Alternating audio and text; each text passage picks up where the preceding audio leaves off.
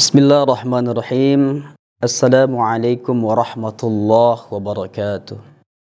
الحمد لله الحمد لله الذي أنعم علينا بنعمة الإيمان والإسلام والإحسان.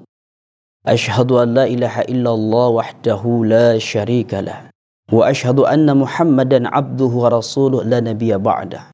اللهم صل وسلم وكرم وبارك على سيدنا وحبيبنا وشفيعنا maulana Muhammadin wa ala alihi wa sahbihi ajma'in amma ba'd. Kaum muslimin dan muslimat yang dirahmati Allah Subhanahu wa taala. Pertama-tama dan yang paling utama selaku hamba Allah Subhanahu wa taala yang dhaif. Kita tidak bisa berbuat apa-apa tanpa izin dan kehendak daripada Allah Subhanahu wa taala. Kita bersyukur atas nikmat dan karunia Allah Subhanahu wa taala yang mana telah memberikan kita kesempatan kesehatan, umur yang panjang. Wabil khusus nikmat iman dan Islam sehingga kita bisa berjumpa dengan Ramadan dan melaksanakan amaliyah atau ibadah di bulan suci Ramadan. Kalimat yang utama kita ucapkan adalah Alhamdulillahi Rabbil Alamin. Salawat dan salam kita kirimkan kepada kekasih Allah Subhanahu wa taala. Panutan kita, suri teladan kita sekaligus figur uswatun hasanah rahmatan lil alamin baginda Rasulullah sallallahu alaihi wasallam dan insya-Allah sampai kepada kita selaku umat Rasulullah sallallahu alaihi wasallam. Amin ya rabbal alamin. Kaum muslimin wal muslimat yang dirahmati Allah Subhanahu wa taala. Alhamdulillah, adapun tema kita pada Ramadan kali ini ialah empat hal yang dianjurkan oleh baginda Rasulullah diperbanyak di bulan suci Ramadan. أشهد أن لا إله إلا الله ونستغفر الله نسألك رضاك والجنة ونعوذ بك من سخطك والنار Kalimat ini biasanya kita dengarkan, kita baca ketika jelang berbuka puasa. Akan tetapi kalimat ini juga merupakan anjuran baginda Rasulullah sallallahu alaihi wasallam untuk kita perbanyak di dalam bulan suci Ramadan. Al-awwalu yang pertama adalah asyhadu an la ilaha illallah atau kalimat thayyibah. Kalimat ini begitu memiliki makna yang sangat luar biasa dan mendalam apabila dibaca oleh hamba Allah Subhanahu wa taala, apalagi umat Rasulullah sallallahu alaihi wasallam. Kalimat ini adalah merupakan al-kalimatu thayyibah, kalimat yang baik untuk diucapkan. Minimal kita membacanya la ilaha illallah sebanyak 33 kali, namun ada para ulama yang menambahkan 100 kali, bahkan lebih daripada itu, maafi muskilah, tidak masalah. Semakin banyak kita berzikir kepada Allah, wallahu wasi'un alim, maka semakin luas pahala yang Allah berikan kepada kita, terutama bagi si pembacanya. Suatu ketika diriwayatkan oleh Abu Said Al-Khudri radhiyallahu an dalam sebuah miskat Nabi Musa alaihissalam dikenal sebagai nabi yang dapat berbicara langsung dengan Allah Subhanahu wa taala. Ketika beliau ingin berdialog dengan Allah, beliau naik di bukit Tursinah, kemudian berdialog langsung kepada Allah Subhanahu wa taala. Lalu Nabi Musa alaihissalam meminta satu doa amalan khusus yang senantiasa dapat diberikan oleh Allah kepada Nabi Musa alaihissalam. Musa berdoa kepada Allah, Ya Allah, wahai Tuhanku, berikan aku satu doa, satu amalan khusus bagiku dan engkau tidak berikan kepada hamba-hambamu yang lain. Kemudian Allah subhanahu wa ta'ala memberitahu kepada Musa, Wahai Musa, engkau amalkan kalimat, La ilaha illallah. Kemudian Musa tiba-tiba protes kepada Allah subhanahu wa ta'ala.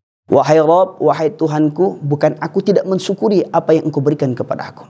Tetapi kalimat La ilaha illallah begitu banyak dibaca oleh para hamba-hambamu yang lain. Berikan aku satu doa, satu amalan khusus yang dengannya aku dapat mengamalkannya dan aku lebih dekat kepadamu, wahai Rabb. Kemudian Allah kembali menyampaikan kepada Musa, Wahai Musa, jikalau seandainya tujuh lapis langit dan bumi beserta isinya, kata Allah subhanahu wa ta'ala. Dinaikkan di atas satu timbangan dengan hambaku yang mengucapkan kalimat La ilaha illallah, sesungguhnya tidak ada yang bisa menandingi beratnya apalagi mereka hamba-hambaku yang beriman dan bertakwa kepada aku. Masya Allah. Subhanallah. Dapat kita ambil satu kesimpulan. Kalimat La ilaha illallah Kalimat yang begitu simple merupakan kalimat yang baik diucapkan setiap waktu, setiap saat akan mendatangkan rahmat dan kecintaan oleh Allah Subhanahu wa taala. Dan ini yang dianjurkan oleh baginda Rasulullah salah satunya kita memperbanyak zikir di bulan suci Ramadan. Kemudian yang kedua, wa nastaghfiruka. Harus banyak beristighfar di bulan Ramadan ini. Kenapa? Bulan Ramadan syahrul maghfirah. Bulan yang penuh dengan ampunan Allah Subhanahu wa taala. Kita bukan nabi baginda Rasulullah sallallahu alaihi wasallam yang dijamin atas dosa dan ampun daripada Allah Subhanahu wa taala. Tidak ada yang sempurna baginda Rasulullah sallallahu alaihi wasallam. Kita hanyalah manusia biasa yang kadang kala lalai dari peringatan dan perintah Allah Subhanahu wa taala. Pertanyaannya, adakah manusia selain daripada baginda Rasulullah yang tidak memiliki dosa?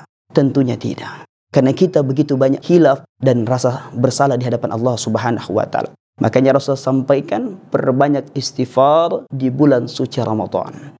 Kenapa Allah akan melimpahkan rahmat dan ampunan kepada orang yang datang kepada Allah Subhanahu wa taala. Memohon ampunan di hadapan Allah Subhanahu wa taala. Apabila dosanya begitu banyak meskipun seperti gunung Uhud, maka ampunan Allah akan jauh lebih besar kepada orang yang datang di bulan Ramadan memohon ampunan kepada Allah Subhanahu wa taala. Sebagaimana Rasulullah menegaskan, "Qad ja'akum syahrul Ramadan, syahrul mubarak, syahrul maghfirah. Iftaradallahu 'alaikum siyamah yuftahu fihi abwabul jannah wa yuqlabu fihi abwabul jahim." Ramadan adalah di mana tempat keberkahan yang Allah berikan kepada umat Rasulullah sallallahu alaihi wasallam. Ramadan mampu mendatangkan ampunan Allah Subhanahu wa taala. Allah membukakan pintu surganya selebar mungkin dan menutup pintu nerakanya serapat-rapat mungkin. Tentunya untuk orang-orang yang beriman dan bertakwa kepada Allah Subhanahu wa taala. Kemudian yang ketiga adalah memohon kepada Allah Subhanahu wa taala. Nas'aluka ridhaka wal jannah wa na'udzubika min sakhatika wan nar.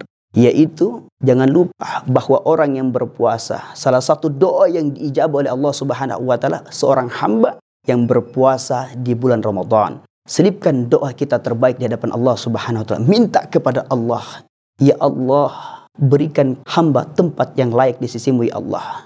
Berikan hamba, keluarga hamba untuk menempati surga yang pantas engkau berikan kepada hamba ya Allah. Kemudian yang keempat adalah memohon kepada Allah agar senantiasa dijauhkan daripada azab ataupun api neraka. Empat ini yang kita perbanyak di bulan Ramadan. Insya Allah semoga puasa kita mendapatkan rahmat Allah, mendatangkan kecintaan Allah kepada kita. Keluar daripada Ramadan, kita termasuk orang-orang la'allakum tattaqun bertakwa kepada Allah Subhanahu wa taala. Akhiru kalam wallahu musta'an. Wassalamualaikum warahmatullahi wabarakatuh.